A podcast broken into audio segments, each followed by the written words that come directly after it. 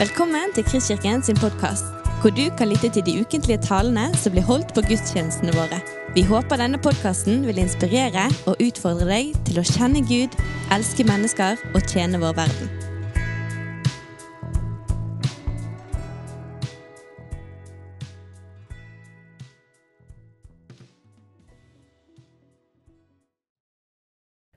Når jeg, eh, når jeg skal tale en søndag, så begynner jeg ofte på mandagen med å lese teksten. En gang, to ganger, og be over det og reflektere gjennom uka. Og denne uka her så har jeg eh, kanskje plaget noen med å poste litt på Facebook eh, om eh, kristne som har opplevd noe av det samme som døperen Johannes. Jeg har eh, glemt å innlede med en ting, men, men, jeg tenkte det kan jo kanskje være en god innledning, det jeg har sagt. Fordi at som kristne så står vi midt i en kamp. Vi har eh, ikke en kamp mot kjøtt og blod. Vi har ikke i dag en kamp mot muslimer eller andre som forfølger oss. Vi har en kamp mot makter, myndigheter, mot djevelens ånd der. Og midt i dette så er vi ikke mest opptatt av hvem vi da har kampen mot, men vi er opptatt av Han som vi tror på. Jesus Kristus. Du vet Johannes døperen. Han hadde ett kall, og det var å peke på Jesus så fikk det komme det som komme måtte. Så nå, sammen, skal vi si fram forsakelsen, og så skal vi proklamere troen på den treenige Gud. Jeg forsaker djevelen og alle hans gjerninger og alt hans vesen. Jeg tror på Gud Fader, den allmektige, himmelens og jordens skaper.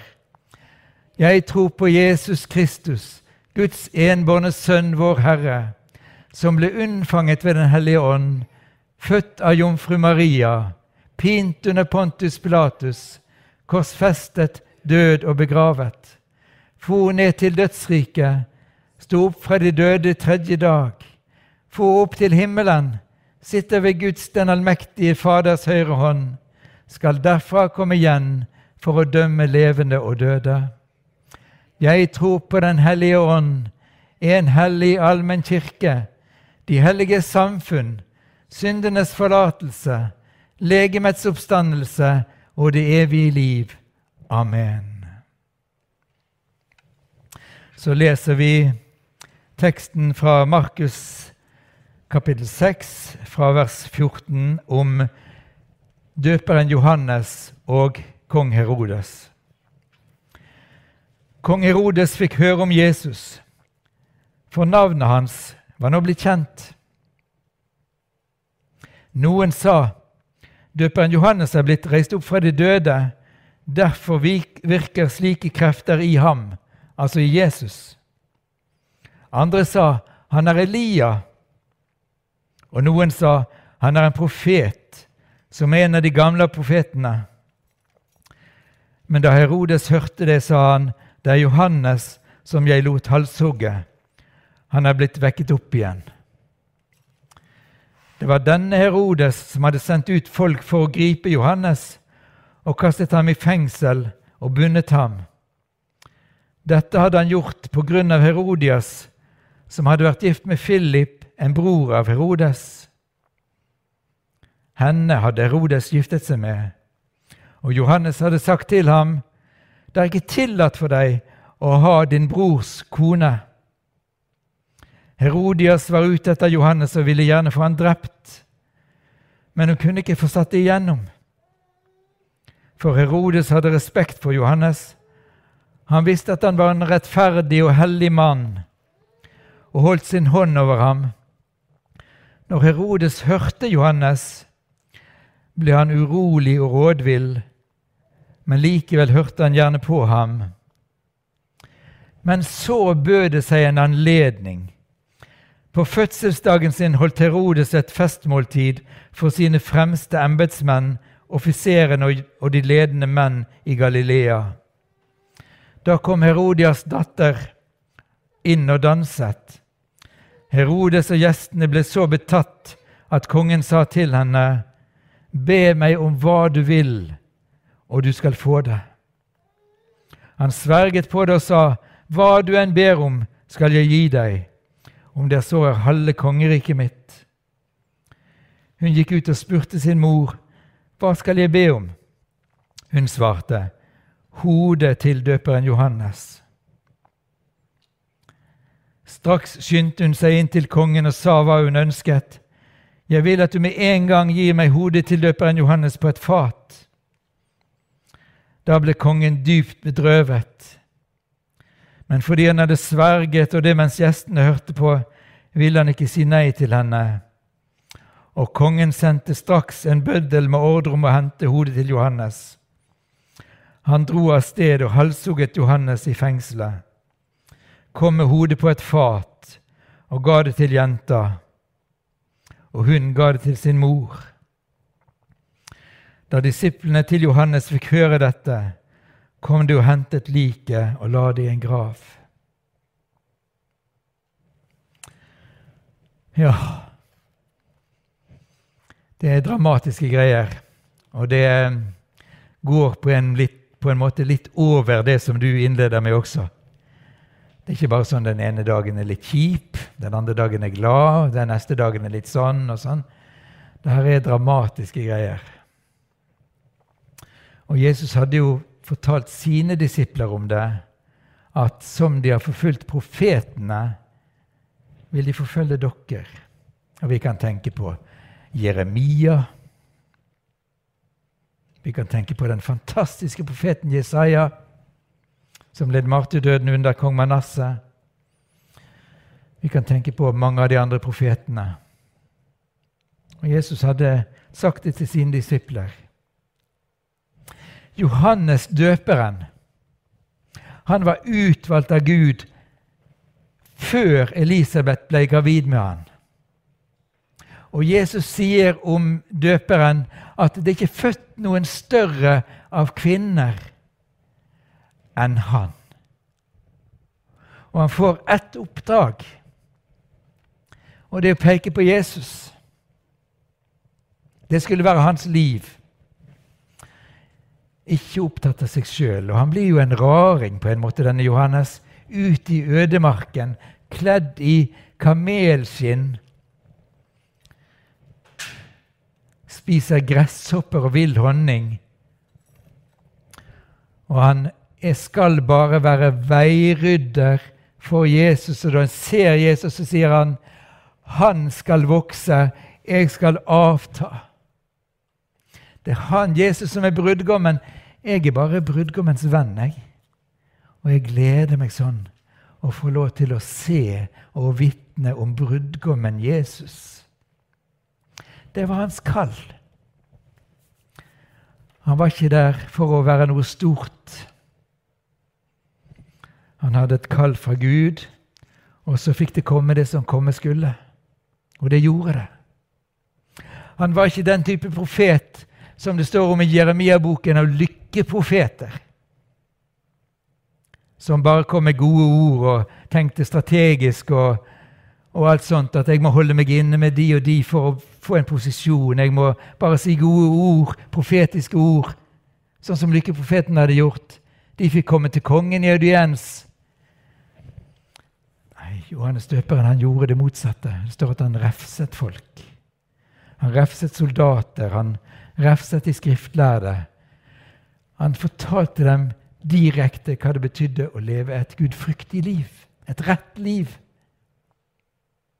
Og så har han altså vært så frimodig at han til og med har sagt til kongen at du har ikke lov til å ha denne kvinnen her som din kone. Du har ikke lov til det. Bare en liten parentes.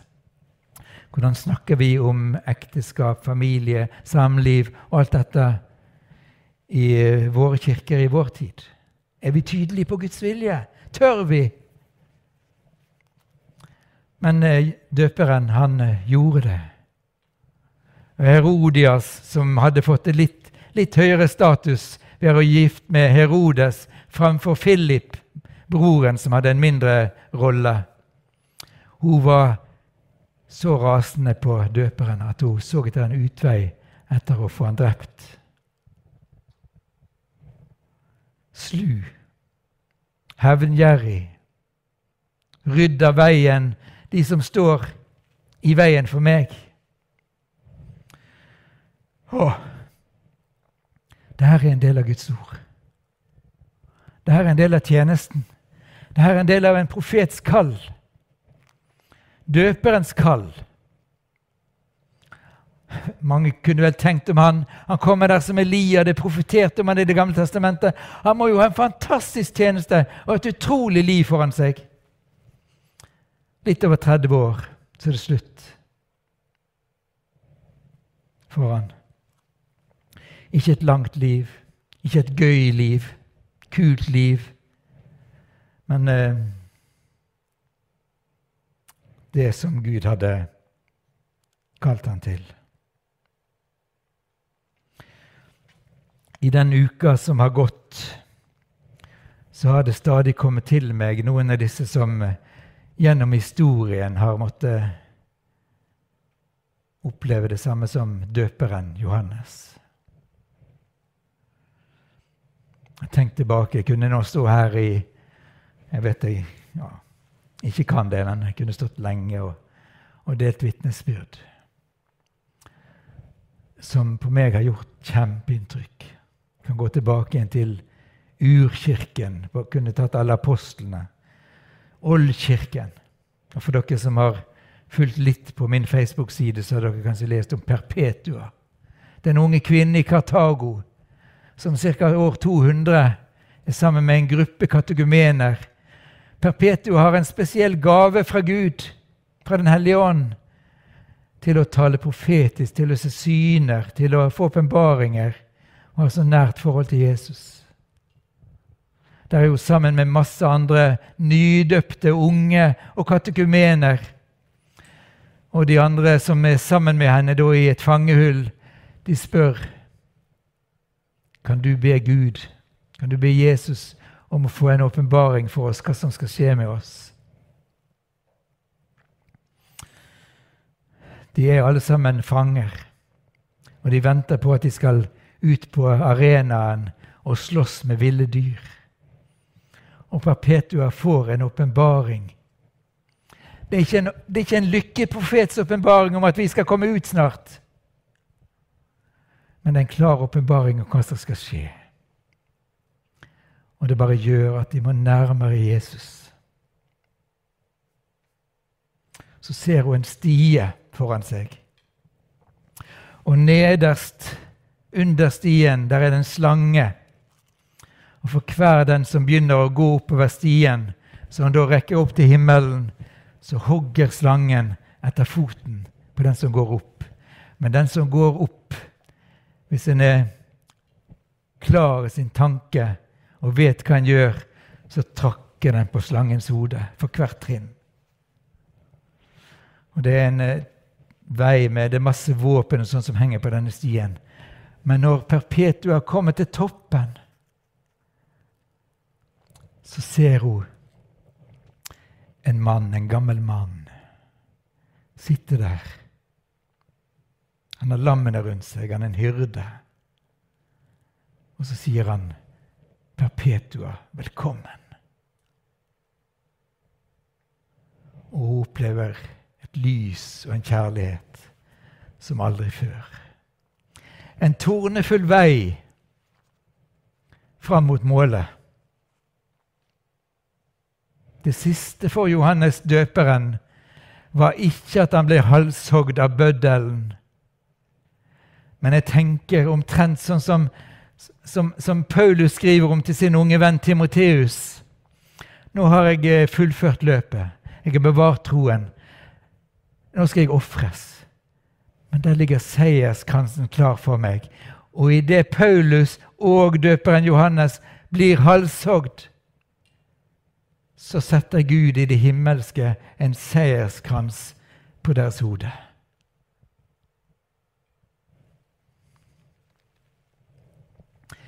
Dette vet kristne martyrer. Det er ikke slutt om en lider martyrdøden. Det blir et fantastisk vitnesbyrd om frelsen og frelseren. Så gikk jeg litt videre i min uh, historietenkning. Og jeg kom fram til uh, nazitiden. Jeg tenkte på Dietrich Bonhoeffer, som mange her kjenner til. Han som var leder for uh, bekjennelseskirken i Tyskland på nazismens tid. Han måtte flykte og var i England en periode. Så kom han tilbake igjen. I alle dager tilbake igjen til Tyskland. Nazi-Tyskland, der han var truet på livet. Men han hadde en oppgave. Og Der ble han arrestert. Og i april 1945 led han martyrdøden. Men dette navnet, Dietrich Bonhoeffer, det kommer til å lyse. Fantastisk vitnesbyrd. Så tenkte jeg en annen del av verden. Jeg tenkte på Etiopia. Der var det en eh, kirkepresident eller biskop for den lutherske Mekane Jesuskirken. Han het Gudina Tomsa. Og Det var kommunistregime, og det var enorm forfølgelse av kristne, særlig av unge kristne. Det er så sterkt å lese årbøkene f.eks. fra Misjonssambandet sitt arbeid i Etiopia om de unge kristne. For en frimodighet! Og for en vekst i antall kristne midt under forfølgelsen. Men de hadde en ledestjerne i Gudina Tomsa. Han talte ikke direkte imot kommunistregimet, selv om han godt kunne gjort det. Men han talte ut fra Daniels bok. Og kommunistlederne skjønte han snakker om oss. Det er skrevet en bok om gudinna Tomsa sin kone. Den heter 'I ildovnen'. Og det var der de var. Og den allmektige Gud han kan redde oss ut av ildovnen om det er det han vil. Men så står det i Daniels bok men om han ikke gjør det, så skal du vite, Herre konge, at vi kan aldri fornekte han. Vi vil aldri forlate troen på Gud. Og for gudinna Tomsa var det sånn at det får skje, det som må skje. Men jeg kan ikke noe annet enn å følge min mester og frelser. Og så ble gudinna Tomsa tatt av dage. Jeg bevegde meg framover. Jeg skrev forleden dag om, om mange kvinner.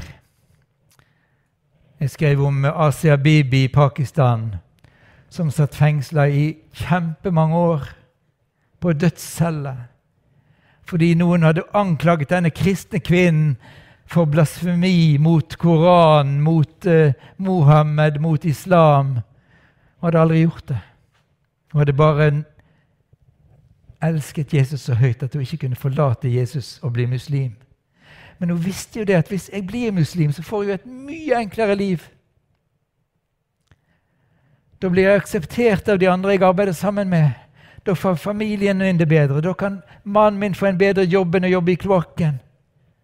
Da kan barna mine få utdannelse. Men kjærligheten til Jesus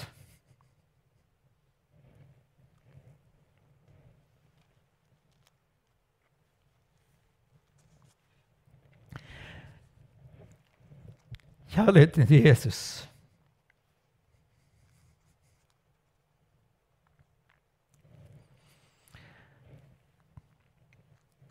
Den overgikk alt annet. Og hun satt på dødscellen. Høyesterett felte dødsdom over henne. Hun var like tydelig hver gang hun ble spurt. Jeg kommer aldri til å forlate Jesus. På den samme siden så skrev jeg om Lea Sheribo og en del andre. Lea, den unge 14 år gamle jenta i Nigeria. En kristen jente sammen med noen muslimske jenter ble kidnappet av Boko Haram. De andre jentene de fikk slippe fri, én etter én, fordi de var muslimer.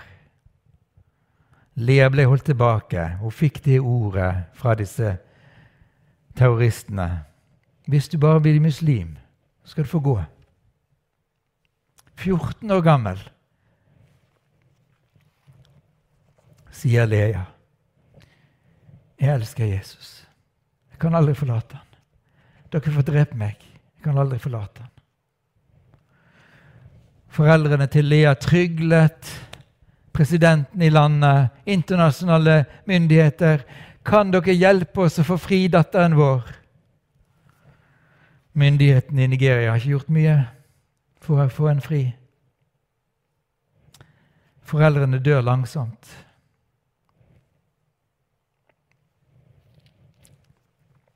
så har Lea blitt tvangskonvertert. Tvangsgiftet. Har fått et barn, et Boko Haram-barn. Men Lea er der fortsatt, i sitt hjerte. Tror på Jesus, følger Jesus. Det er en lønn, det er en seierskrans som venter så skal jeg slutte med et par beretninger. Nå kan vi få opp eh, Vølvots listkart igjen, kanskje. Der har vi det.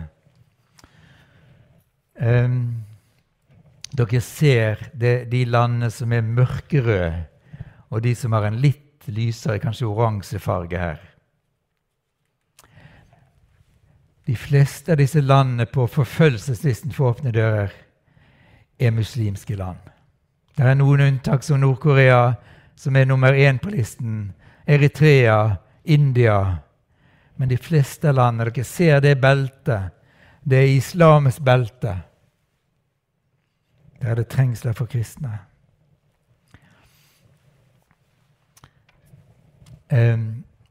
Gazastripen og Tyrkia er de to eksemplene jeg skal nevne. og som jeg vil ta dere med i bønn for også. I 2007 eh, en, en flott mann, Ayad Han ledet Bibelselskapet sin butikk på Gazastripen. Og de visste det var farlig. Familien visste det var farlig.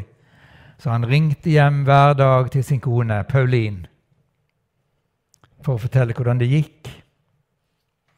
Men han sto der frimodig på bibelbutikken og fikk snakke med mange mennesker. og Han fikk selge noen Nytestamenter og bibler. Og så um, reiste han av gårde en morgen, og han sjøl kjente på seg at noe spesielt kommer til å skje denne dagen. Men eh, han ville ikke si til sin kone Pauline at dette kunne være en, en skjebnedag. Men han, eh, han, dro av gårde, var på butikken, og så kommer det noen inn.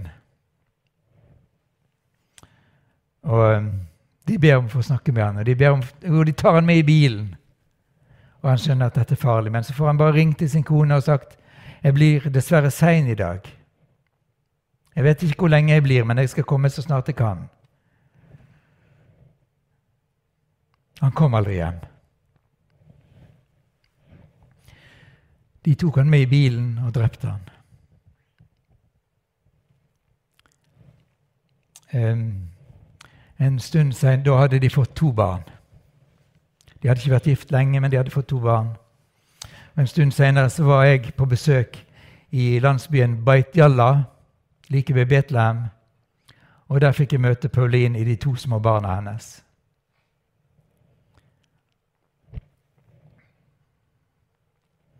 Vi var i, på en veldig flott restaurant med et lekeland rundt. Og jeg, Den tiden var jeg litt yngre, da. Så da var jeg sprekere og for rundt med barna og lekte og sånn. Men når jeg ikke lekte og satte meg ned, så kom de to barna og satte seg på fanget mitt.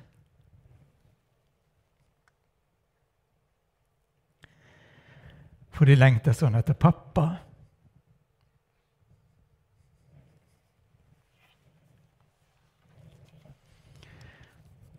Kristne har forlatt Gazastripen.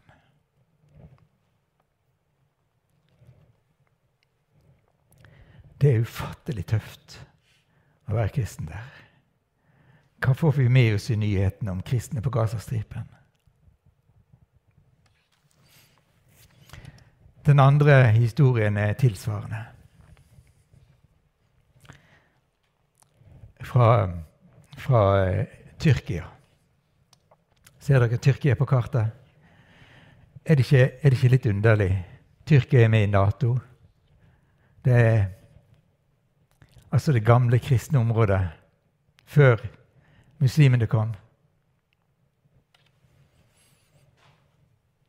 Vi har hatt i fjor høst en taleserie om de sju sendebrevene i Johannes' bevaring til menigheter i Tyrkia. Det er et av de landene i verden der det er lavest Kan vi snakke om prosentkristne? Jeg tror vi snakker om promillekristne etter at de armenske kristne opplevde folkemordet, og de gresk-ortodokse kristne ble drevet ut.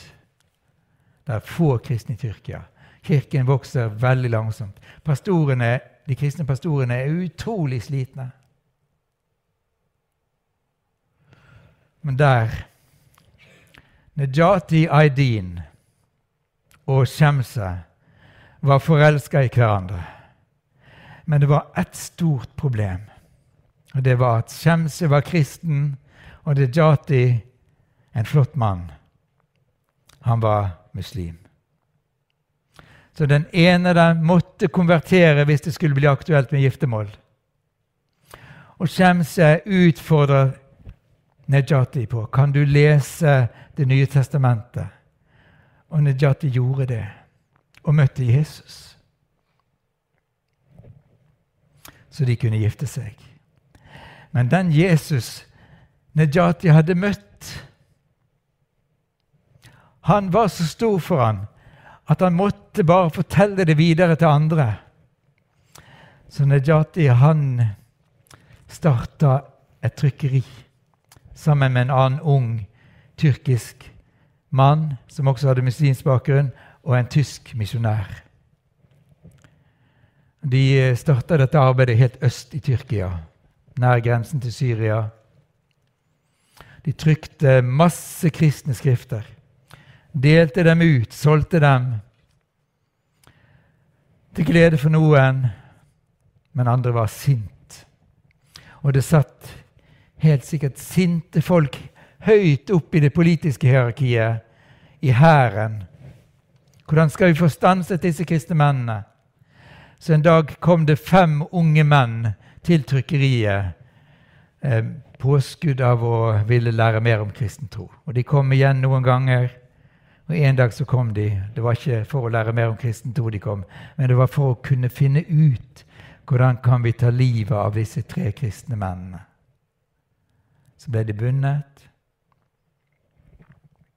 stukket med kniv, drept.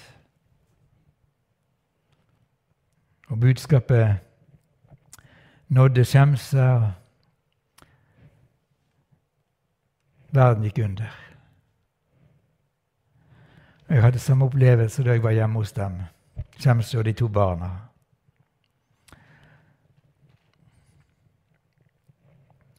To barn som var så traumatisert.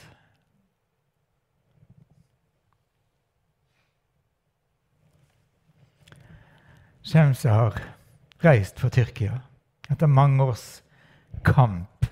At saken endelig skulle bli avgjort i rettsvesenet. Men når det sitter folk på toppen som styrer også rettsvesenet i Tyrkia, så vet vi hvordan det går. Shemse har dratt til USA, bor der med sine to barn. Jeg vet ikke helt hvordan det går med dem nå. Men jeg vet det for Nejati. Og Det vet Shems også, og det forteller hun sine barn.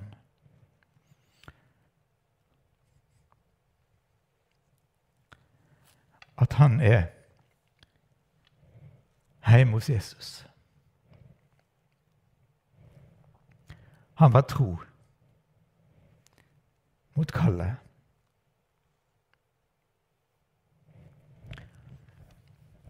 Og så kan ikke ta med alle de landene som, ligger, som er på kartet. Men jeg har lyst til at vi skal be for eh, kristne på Gazastripen. Og vi skal be for de kristne i Tyrkia. Og vi må be om Det er noe forunderlig òg i Tyrkia. Det er masse tyske og amerikanske misjonærer, og de blir sendt ut. De er ikke velkommen lenger. Men det er afghanere og iranere i Tyrkia. De kommer fra hjemlandene sine som flyktninger. De har kommet til tro på Jesus. De har måttet flykte fra hjemlandene sine. Og det sies de at afghanerne er de som vinner tyrkere for Jesus nå. De kommer fra et land der det er enda tøffere å være kristen. Afghanistan er nummer to på den listen der. Etter Nord-Korea, før Somalia. De vitner om Jesus. Så nå ber vi.